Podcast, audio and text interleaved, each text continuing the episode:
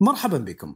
أنا عبد الله السبع وهذا بودكاست برق بودكاست تقني من إذاعة ثمانية. وفي كل أسبوع راح نتكلم أنا وصديقي المجهول السيد تاء عن مستجدات العالم التقني. وراح نستعرض لكم أهم الأخبار اللي حدثت خلال الفترة الماضية وراح نختار لكم قضية تقنية أسبوعية نتكلم فيها بشكل معمق ومفصل يثري معلوماتكم ووقتكم. قبل لا نبدأ أتمنى أنكم تقيمون البودكاست على الآيتونز تتركون تعليقاتكم على البودكاست عشان نعرف رأيكم في المحتوى وكيف نقدر نطوره. فياريت تشاركون الحلقة مع أصحابكم المهتمين في التقنية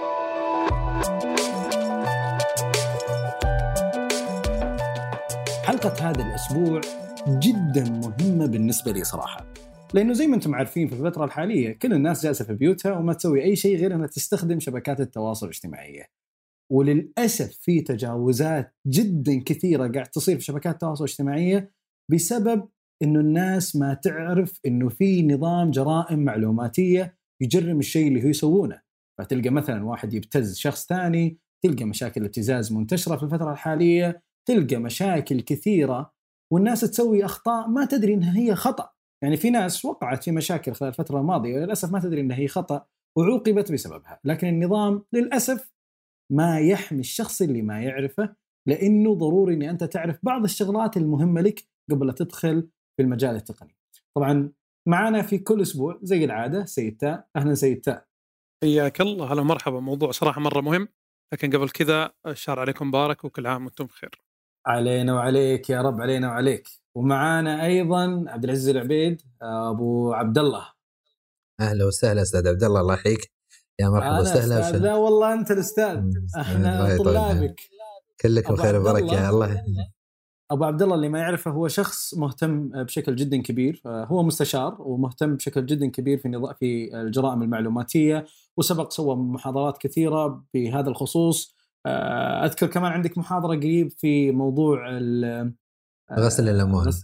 غسيل الأموال وكذا. فالرجل مختص بشكل جدا كبير في القانون. وكان قبل يعني قبل والقانون الجنائي. وقبل ست شهور تقريبا كنا أنا وياك جالسين نتكلم عن نظام الجرائم المعلوماتية وفي شغلات صحيح. أنا انبهرت يوم دريت فيها. أبو عبد الله عطنا شيء نبدأ سريعة قبل أن نبدأ الحلقة. طبعا النظام دائما يحاول يحمي الناس علشان ما يصير في تطاولات من شخص على آخر. وإذا صار الشخص الثاني اللي متضرر يعني يدور على وسيلة لحماية نفسه ما قدر مباشرة تلقى النظام واقف مباشرة معه هذه كذا فكرة عامة لموضوع التجريم في نظام الجرائم المعلوماتية. طيب وش أكثر مشكلة الناس تقع فيها في الأيام الحالية في شبكات التواصل الاجتماعي وتشوف إنها مشكلة كبيرة؟ يعني حسب النظام هو نظام صراحة أنا فاتحة قدامي كامل هو تقريبا ست صفحات وسبع صفحات صح؟ مو مو كبير. صحيح ما هو كبير ولا صدرت له لائحة تنفيذية للآن. إي يعني مثلا التنصت في عقوبته في النظام يعاقب بالسجن مدة لا تزيد عن سنة وبغرامة لا تزيد عن 500 ألف ريال أو بإحدى هاتي العقوبتين من يتنصت على ما هو مرسل يعني من يخترق شبكات التواصل الاجتماعية ومن يبتز أي شخص وهذه مشكلة الآن منتشرة هذه الابتزاز والتنصت والاختراق عقوبته السجن سنة وغرامة 500 ألف ريال. طيب هذه أحد هذه المادة الثالثة تقريبا في النظام لكن أبغى أعرف منك وش الشغلات الناس الآن قاعد يقعون فيها من المشاكل اللي يقعون فيها وللأسف ما يعرفون إنها مخالفة. شوف إحنا نعرف إنه دائما كل ما زاد استخدام التقنية كل ما زاد زادت المشاكل أكثر. ليش؟ لأنه مع ازدياد الاستخدام التقنية يبدأ الواحد يحترف كذا يتفنن. مرة يتفنن يبي يدخل على واحد يوريه إنه هو قدر يكسر الحماية حقت الجهاز حقه. مرة يبغى يوريه والله إنه قدر يوصل إلى معلوماته السرية ويهدده.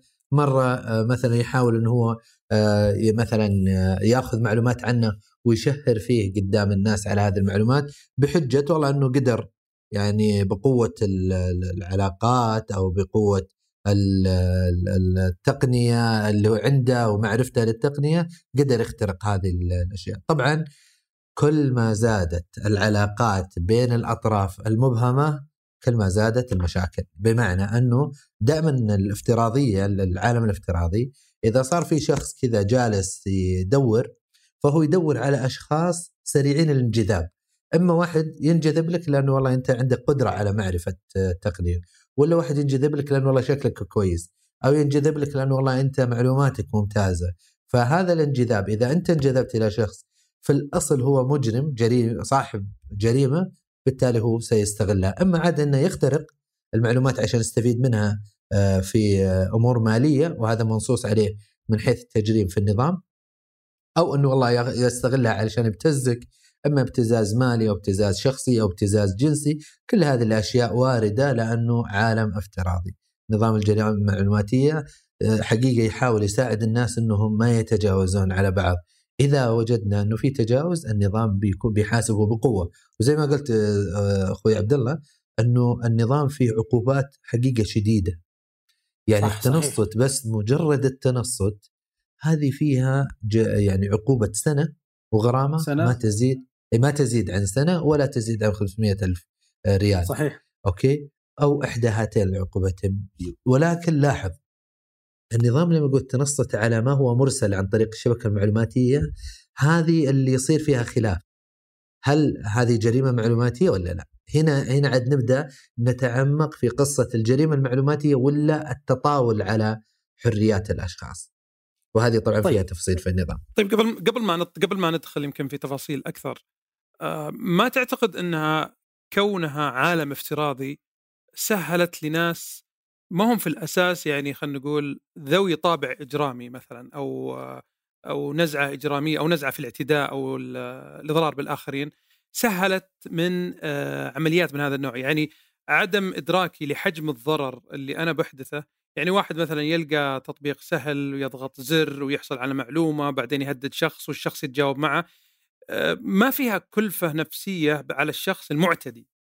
فهل ما تعتقد ان هذا هو اللي سهلها؟ يعني أنا ما تعبت يعني على سبيل المثال يعني آه، الشخص اللي يسوي جريمة عاده جريمة خلينا نقول مادية فيها فيها تجرؤ وفيها جرأة. وقد يكون أعتقد يمكن في علم النفس يكون عنده كاسر حاجز كبير لفعل شيء من هذا النوع. آه، لذلك أهل السوابق يكون يكون عنده الأداء العملية سهلة. لكن كونه عالم افتراضي ما تعتقد لأن عالم افتراضي سهل من آه، إحداث هذه المشاكل وإنه يدخل أو يكون الشخص معتدي من, من هذا النوع. يعني طبعا 100% آه، أي طبعا. لا لا هو سؤال واضح. هو شوف الجريمة المعلوماتية ترى الفكرة تمتاز عن الجريمة الثانية إنه ما فيها قصد. آه، خاص في في الجرائم دائما. في شيء اسمه قصد عام وقصد خاص. يعني ممكن واحد توضحها بشكل واضح بس؟ أكثر أوكي. القصد العام إنه يعرف إنه هذه الجريمة موجودة وممنوعة ومجرمة في النظام أو الشريعة. والقصد الخاص إنه هو متعمد عالم بالجريمة وأركانها وفعلها بهدف إنه يحقق النتيجة منها. الجرائم المعلوماتية ما عندها هذا الموضوع، ليش؟ لأنه هو يقول لك مجرد إنه أنت تعمل ريتويت هذه جريمة، حتى لو ما كان عندك القصد إنه أنت تسيء إلى طرف ثاني مثلا تغريدة فيها آه كلام سيء على شخص أو صورة سيئة على شخص وأنت سويت ريتويت. ما يحتاج إنه أنت تكون قاصد إنه أنت تسيء له أو تهينه يعني حتى أو تخطئ عليه. لتغريدة ممكن فيها مشكلة ممكن طبعا. تقع عليه عقوبة النظام. طبعا طبعا. وكان آخر تحديث آه، حقيقي قال لي عليه أستاذ عبد الله من فترة لما التقيت أنا وياه. عشان كذا على فكرة دائما الاجتماع مع أهل الاختصاص ترى على فكرة مفيد. إيه. بلغني بآخر تحديث على تويتر بأنه اعتبروا أنه الريتويت يعتبر جريمة مستقلة. وهذا صحيح لأنه زي اي طبعا زي ما أنت حضرتك قلت حرف تاء آه سيد تاء. عارف آه مجرد العالم الافتراضي ترى ما هو شرط إنه يكون مجرم 100% إلا المجرمين المحترفين في التقنية. يعني يبغى يخترق يبغى يتنصت يبغى يؤذي okay؟ بوسيلة تقنية محددة اللي هو البرمجة. علشان يكسر الحاجز لكن في ناس زي ما تفضلت إما إنه يعتقد إن الموضوع بسيط زي اللي يسوي retweet أو اللي يرد على واحد رد سيء الأدب أوكي وبعدين يتورط يقول والله ما كنت أقصد. هم يقولون ما له علاقة أنت قصدت أو لا. أنت مجرد إنك رديت بأسلوب سيء بطريقة سيئة اذا أنت أخطأت. اذا لازم تتحاسب.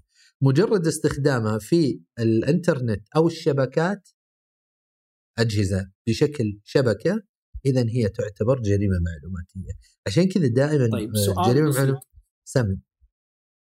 نكمل كمل كمل ما بيقطع عشان كذا تشوف الجريمة المعلوماتية آه، ورطة زي ما تفضلتوا.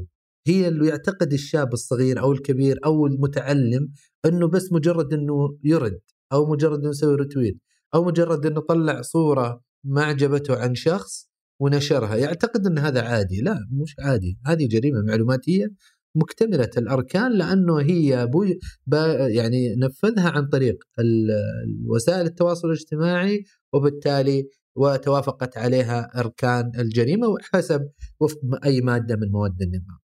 طيب سؤال بسيط هل سم. الواتساب الجرائم اللي تتم فيه أو الشغلات اللي تتم فيه تعتبر جريمة معلوماتية؟ حلو خلينا أول شيء نقول وش الفرق بين الواتساب وبين وسائل التواصل الاجتماعي دائما في النظام يقول إنه آه، في المادة 32 من النظام الاساسي للحكم وهذه قواعد قانونية كل الناس تعرفها. لا جريمة ولا عقوبة إلا بنص. ما دام ما في نص اذا لا يمكن تكون فيه جريمة. النظام لما لما يصاغ في آه، هيئة الخبراء بعدين يطلع بأمر من مجلس الوزراء دائما يصاغ صياغة صياغة يسمونها صياغة قانونية. فالواتساب ما انطبق عليه أي مادة من مواد اللي ذكرت في نظام الجرائم مكافحه الجرائم المعلوماتية ابدا. وش السبب؟ أنه السبب أنه الجرائم المعلوماتية لها طابع منصوص عليه أنها تكون من خلال الشبكات أو من خلال الإنترنت. الواتساب له شبكة وله إنترنت. لما صدرت أحكام وطبعا دائما أفضل الأحكام حقيقة اللي تفصل هي اللي صادره من المحكمة العليا وأيضا عند في آه، محكمه النقد المصرية وأيضا محكمة آه، الإمارات محكمة دبي. جميل حقيقه دائما يصيغون صياغات جميلة. قالوا انه الواتساب هو برنامج محدد الأشخاص ما يدخلها إلا أشخاص محددين وإطار المعلومة ما تتجاوز هذول الأشخاص رغم استخدامه للإنترنت. فهو ما يعتبر جريمة معلوماتية. يعني مثلا أنا ابتزيت شخص في الواتساب. هذه ما ما ما يطبق عليه نظام الجرائم المعلوماتية لكن يطبق ابدا. عليه يطبق عليه نظام جرائم العادية. صحيح. والمعلوماتيه يط- يطبق عليه النظام الجزائي نعم لكنها لما ليست جريمة معلوماتية والسبب أنه مثلا لو يجي واحد يبتز واحد عن طريق الواتساب يرسل له رسالة يقول له والله ترى أنا دخلت اخترقت على الواتساب الآن وخذيت المعلومات اللي عندك. لاحظ هنا الموضوع مختلف. لأنه هنا كسر الحاجز دخل على طريقة غير نظامية مو هو اللي دخلها يعني ما هو من مجموعة الواتساب اللي هو أضافهم. هذا كسر الحاجز مستخدم تقنية الإنترنت وأخذ ال IP وكسر ال IP حق هذا الرجل أو المرأة علشان يدخل بالقوة. بس هذا ينطبق عليه نظام. الجرائم المعلوماتية. مباشرة. لكن السب والشتم والحس والدخل المواضيع اللي تكون داخل المجموعة. لاحظ الكلام الدقيق دائما القانونيين بالدقيقين إذا صارت المجموعة محددة والحوار محدد وداخل ال ال ال الوات داخل هذه المجموعة أو هذه الجروب هذه لا تعتبر جريمة معلوماتية، إذا صار فيه اختراق من خارج هذه المجموعة ودخل الشخص هذا عنوه بالقوة واخترق المعلومات إذا تنطبق عليها مباشرة المادة الثالثة في الفقرة الثانية اللي قالت الدخول الغير مشروع لتهديد الأشخاص وابتزازهم والحملهم على قيام بأفعال كذا وكذا. فدائما النظام دقيق خصوصا النظام الجنائي، النظام الجنائي آه، دائما أقول في المحاضرات إذا سويتها أقول لا تقرأ النظام الجنائي إلا كلمتين كلمتين. لأنه لو ترجع إلى النظام قال الدخول غير المشروع. طيب في الواتساب إذا أنت أضفت شخص إلى المجموعة وصار بينك وبينه خلاف اذا هذا ما هو دخول غير مشروع. لكن لو هو اخترق الواتساب اذا هنا هذه جريمة معلومات.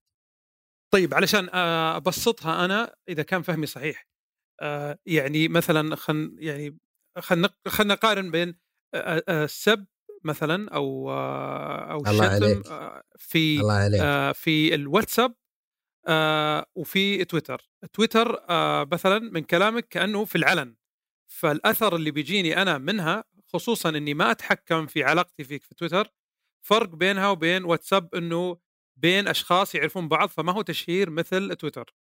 فهل هذا فهمي الصحيح ولا لا؟ أنت طال عمرك بهذه الجملة لا تعتبر حرف تاء أنت تعتبر معجم اللغة العربية.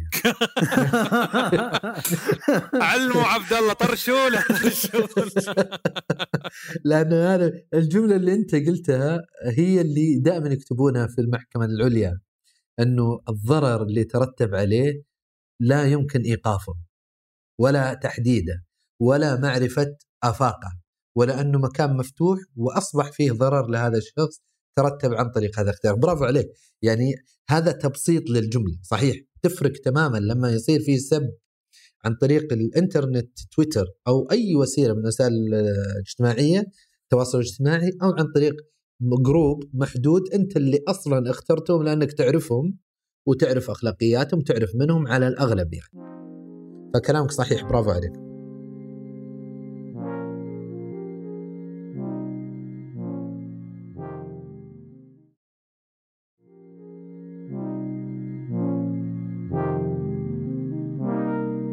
طيب وش أكثر المشاكل اللي يقعون فيها الناس في الفترة الحالية وما يدرون إنها مش يعني جريمة معلوماتية؟ شوف الآن الآن حقيقة في هذه الفترة اندفاعات الشباب في اختراق الحظر وحقيقة يعني آه، أستغرب إنه كيف الشباب يتجاوزون بهذه الطريقة يعني اختراق الحظر يعني في النظام نتكلم الحظر الجزئي والكلي اللي كان موجود عندنا في السعودية كل الاثنين بالضبط. نعم في المملكة العربية السعودية. الله يجيرنا نعم ويجيركم. آمين آمين. طبعا تعرف شوف هو صدر أمر ملكي وأعطى وزارة الداخلية الحق في أنه هي تحدد العقوبة المناسبة على هذا التصرف. طيب التصرف هذا لما يجي واحد يطلع اولا هو خالف أمر المنع حتى لو تلاحظ الجملة المنع من التجول ما قال حظر التجول المنع التام ثانيا رجال الضبط الجنائي اللي هم الشرطة أو الحرس الوطني أو من وكلوا بهذه المهمة خلاص مباشرة كذا أعطاهم النظام الحق في إنهم يقبضون على هذا الشخص. ليه؟ لأنه مجرد وجوده في آه، الطريق في وقت المنع يعني إنه هذا الشخص واحد من اثنين إما أن يكون هو في آه، حالة تلبس للجريمة لأنه طلع أو أن يكون فعلا شخص عنده تصريح واستفاد من هذا التصريح في إنه يطلع في هذا الوقت لأداء عمل ونسأل الله أن يعين آه، كل من يعمل في هذه الفترات.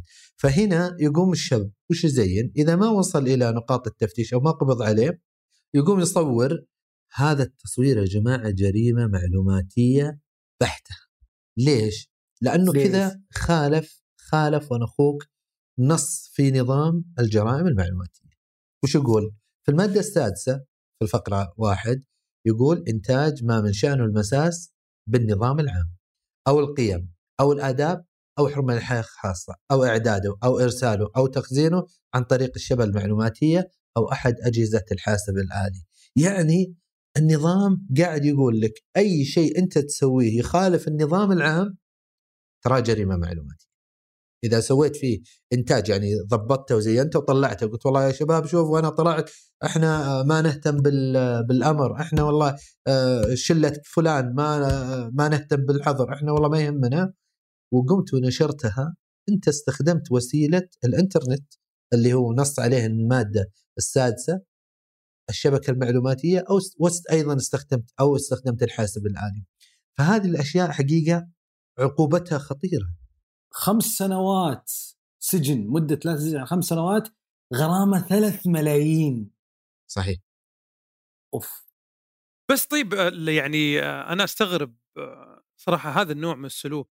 يعني ولا أفهم صراحة تبريره. يمكن قد يحتاج شخص متخصص في علم النفس إنه كيف شخص يعني في الغالب ولا أعتقد بس في الحظر أنا أعتقد السلوك هذا ترى ينطبق على أشياء كثيرة يعني في ناس كثيرة توثق جرائمها اللي يخرب مثلا كاميرا ساهر ويصور نفسه آه، اللي يسوي جريمة معينة ويصور نفسه. أعتقد السلوك هذا صراحة آه، يعني أصبح آه، يعني مألوف مو مألوف يعني لكن منتشر بشكل بشكل مزعج أنا صراحة أستغرب يعني أنا أعرف اللي عرفناه يعني يمكن حتى من الصغر في قصص اللي نقرأها مثلا في القصص البوليسية إنه دائما أكثر واحد حريص على إخفاء جريمته هو المجرم نفسه.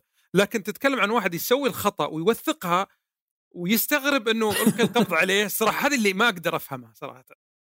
أقول لك ليش. شوف آه، عمر رضي الله عنه جته مرأة قالت له يا عمر ابني آه، أول مرة يسرق.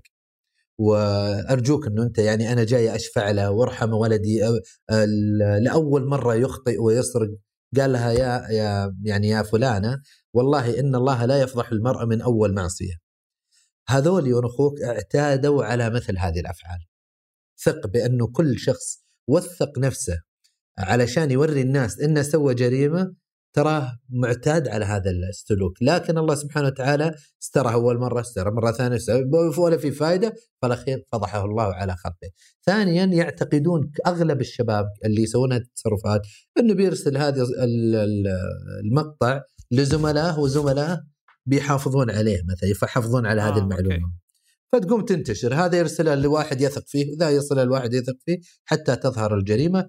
وهذا زي ما تفضل شوف علم النفس الجنائي له كلام جميل في هذا الموضوع. ولكن طبعا إحنا دائما ما نحب نتطرق له لأنه إحنا دائما نقول إنه تفصيل علم السلوك الإجرامي يختلف تماما عن الواقع الجرمية. وعشان كذا ما يعني نقول لكل واحد يسوي جريمة أو يفتعل جريمة أو يرتكب جريمة. ثق بأن النظام بيصل لك. عاجلا طيب سؤال بس بسيط. سؤال بسيط. أنا قاعد أقرأ فقره الآن في المادة السادسة اللي هي الفقرة الثالثة اللي هي إنشاء المواد والبيانات المتعلقة بالشبكات الإباحية أو الأنشطة صحيح. المخلة بالآداب العامة أو نشرها أو ترويجها. يعني لو في مقطع مخل بالآداب العامة أنا نشرته. تمام؟ آه هذه عقوبته تقريبا خمس سنوات وثلاث ملايين ولا؟ صحيح نعم. المادة طيب. السادسه نعم تكلمت عن هذا صحيح هذه لو نشرتها أنا في تويتر أو الفيسبوك أو الإنستغرام أو سناب شات أو غيرها من الشبكات اللي تنطبق عليها شبكات اجتماعية صحيح؟ صحيح. نعم. طيب الواتساب هل ينطبق عليه؟ لا. الواتساب ما ينطبق عليه لكن ينطبق عليه نظام الجرائم اللي تكلم لا هو هنا إحنا حندخل بالضبط هنا حندخل في قصة آه، الجريمة آه، افتعال الجريمة موجود إنه آه، أمر كان النائب العام آه، أعتقد إنه كان لعبد الله آه، ذكر فيه نص صريح بأنه المواد الإباحية اللي موجودة في الجهاز لا تعتبر في جهاز الجوال لا تعتبر جريمة معلوماتية. وهذا دليل أنه الله يمسيه بالخير استبق أهل الاختصاص والعلم والبحث في تأكيد على أنه هذا في فرق بين قصة الواتساب وبين الشبكات المعلوماتية. وعلى فكرة كان هذا الخطاب قديم وهذا يدلك على مدى احترافية آه، رجال النيابة العامة. كثير صراحة شباب قارئين وقيادات ممتازة يعرفون بالضبط كيف يفصل هذه الجريمة هل هي جريمة معلوماتية أو إنها جريمة غير معلوماتية. وعلى فكرة يعني عشان إحنا يعني ما يضيع من ذا البوابة يعني ترى دائما حتى لو إنه صار في توصيف خطأ أو للقضية على أنها جريمة معلوماتية أيضا القضاء ترى ينظر للجريمة مرة ثانية ويشوف هل تنطبق فعلا على جريمة معلوماتية أو لا.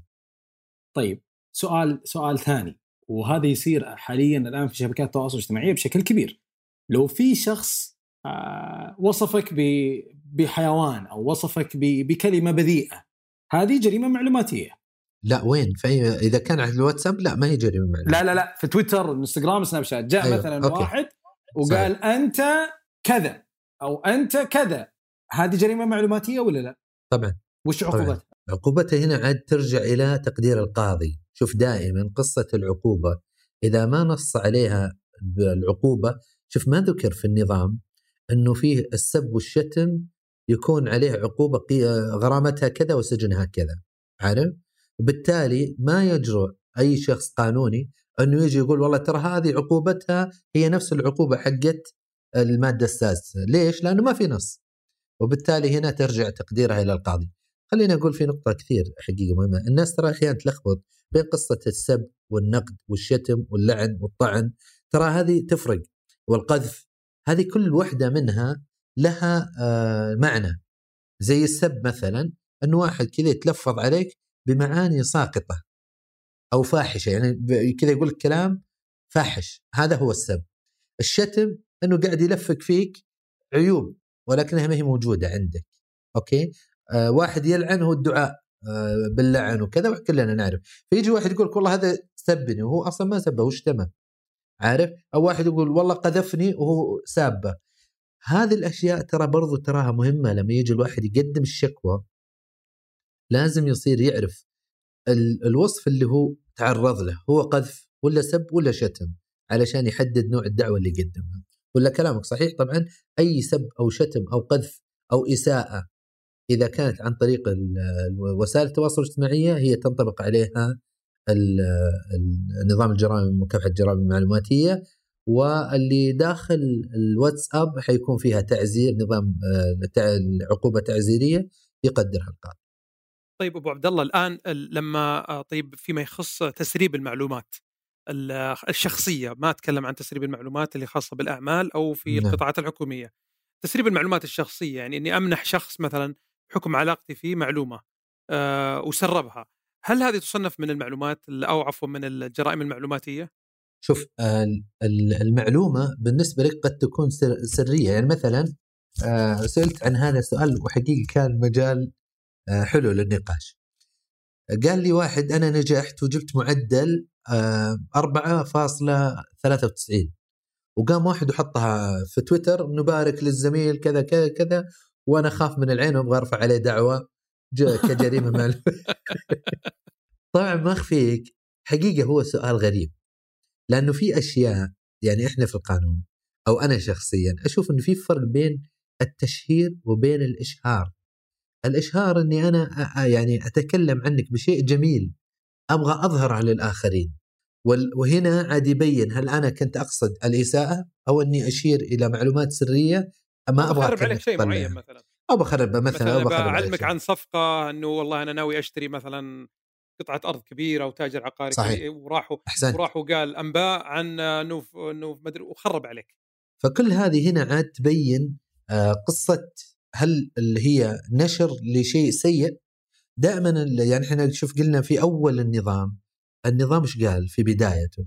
قال إن النظام يحمي الحقوق المترتبة على الاستخدام الصحيح للشبكات وحماية المصلحة العامة والأخلاق والآداب العامة وحماية الاقتصاد الوطني. فلما يجي واحد يقول لك والله أنا واحد أثر علي طيب؟ جيت والله بشتري زي ما تفضلت جيت بشتري والله أرض وبعدين نشر للناس أني ما عندي مشاريها فطاحت الأرض كلها وطاح صار فيه ضرر. عارف؟ فهنا إن كانت الوسيلة ما عاد ننظر إحنا لما قصة الضرر بننظر إلى الوسيلة. هل الوسيلة كانت واتساب ولا كانت رسالة عادية ولا آه، عن طريق الوسائل التواصل الاجتماعي؟ فهنا متى ما كانت عن طريق وسائل التواصل الاجتماعي أو الشبكات والأجهزة إذا معناها هذه تنطبق عليها جرائم المعلومات. على نفس النهج لأنه صراحة أشعر إنه في كثير يحتاجون هذا النوع من المعرفة. يعني آه، ممكن أنا أكون آه، أرسلت لك صور تخصني بحكم الصداقة. يعني مثلا والله طالعين أنا وياك للبحر مسافرين طالعين البر زي كذا بغض النظر عن ماهية الصورة نفسها صورة عادية صورة فيها مشكلة صورة في أي شيء. ونشرتها أنت أو حطيتها أنت في في مكان معين. آه، فهل ما دام ما معلش أنا يمكن قلت مصطلح الان دي اي أو الاتفاقيه عدم الإفصاح كوننا عندنا بشر عاديين نتعامل مع بعض ما في أي اتفاقيات من ذا النوع فهل هذا يعفيه من ال من من كونها جريمة معلوماتية ولا أنها تصبح جريمة معلوماتية؟ لا تصبح جريمة معلوماتية بنص النظام، السبب أنه قال النظام في المادة السادسة ذكر فيها أو حرمة الحياة الخاصة. ولاحظ نص النظام الجميل قال حرمة. الحرمة إذا معناها أنا أحرم عليك إنه أنت تطلع على هذه المعلومة. إذا أنت أنشرتها إذا هي تنطبق على المادة السادسة الفقرة الأولى من نظام الجرائم المعلوماتية مباشرة أي معلومة شوف يعني كذا بشكل عام أي معلومة سرية أنت تكره إنها تطلع للآخرين وطلعت إذا هذا يعتبر جريمة معلوماتية إذا استخدمت فيها وسائل التواصل الاجتماعي أو الشبكات. لكن إذا كانت والله معلومة أنت تحب تشرها. يعني زي الآن الفنانين. الفنان يتمنى أنه ينقل معلومة آه، لكل الناس عشان يعرف والله أنه بيسوي عمل جديد بيسوي فيلم جديد عارف؟ فإذا نشرتها هو يحب أنه ينشر هذا الموضوع. فلا شك أنه هي تفرق بين كره الشخص لنشر المعلومة أو حبه لنشر المعلومة. طيب أبو عبد الله. نصيحة أخيرة قبل لا نختم هذه الحلقة آه، في 60 ثانية. دائما يا جماعة لا تستهينون بموضوع التقنية. أي تصرف أنت تسويه من السهل جدا الوصول لك. حافظ على سريات واحترام الآخرين. هذه هي أهم نقطة تحميك وتحمي الآخرين. الله يعطيك العافية وجزاك الخير أبو عبد الله. آه على قول شغلناك كثير بالأسئلة. بالعادة أنت تاخذ أسئلة من شخص اليوم في شخصين قدامك كل واحد متشوق إنه يطرح الأسئلة. أنا صراحة قدامي عشر أسئلة كان ودي صراحة أسألك إياها لكنه ما يعني تقدر تقول ما أمدانا الوقت ولا أسعفنا الوقت إن إحنا نغطي كل الأسئلة اللي كانت في بالي. لكنه إحنا حبينا بس نعطي لمحة بسيطة عن نظام الجرائم المعلوماتية اللي الناس للأسف مو آه مو متصورينه بشكل كبير. آه بنوعدكم بشيء إنه راح نسوي حلقة ثانية مع ابو عبد الله نطرح عليه قضايا حقيقية تمام؟ موجودة في أرض الواقع ونحاول نشوف أجوبتها وش المشاكل وش العقوبات اللي تكون آه عليها حتى الناس تتجنب الوقوع فيها. في شيء تبي تقوله سيد تاء؟ أول شيء أنا أشكرك أبو عبد الله صراحة وأول لقاء لي معك وإن شاء الله ما هو بالأخير ونستفيد من من معرفتك صراحة يعني أعتقد لديك الكثير تقدمه للناس وما شاء الله عليك عرفت بهذا الشيء. فان شاء الله ما هو باخر ما هو آخر ما هو آخر العهد معك أضف لذلك أنا صراحة إذا في حلقة ثانية بإذن الله في وقت آخر ودي أسلط الضوء على كيف أنا أكون شخص كويس في في التعاطي مع ال social media أو التعاطي مع الإنترنت بدون ما أقع في أخطاء. يعني كيف أكون أنا مثقف وواعي قانونيا بحيث إني ما أقع بحيث إني ما أقع في في أخطاء. يعني ما ننظر للناس لأنهم دائما يخافون. لا أبي أكون أنا واعي أعرف وش اللي لي وش اللي علي ولا أقع ضحية أخطاء غيري أو ضحية خطأي أنا عن غير قصد. إيش رايك نسويها حلقة الأسبوع الجاي؟ ابدا شوف يقول الرسول صلى الله عليه وسلم الإثم ما حاك في نفسك وكرهت أن يطلع عليه الناس. هذه هي هي أفضل قاعدة للتعامل مع التقنية. الله يعطيك العافية أبو عبد الله. الله يعطيك العافية شكرا جزيلا. ونشوفكم شرفتوني. شكرا بالتوفيق شكرا للاستضافة. يعطيكم العافية. شكرا لكم. في الله.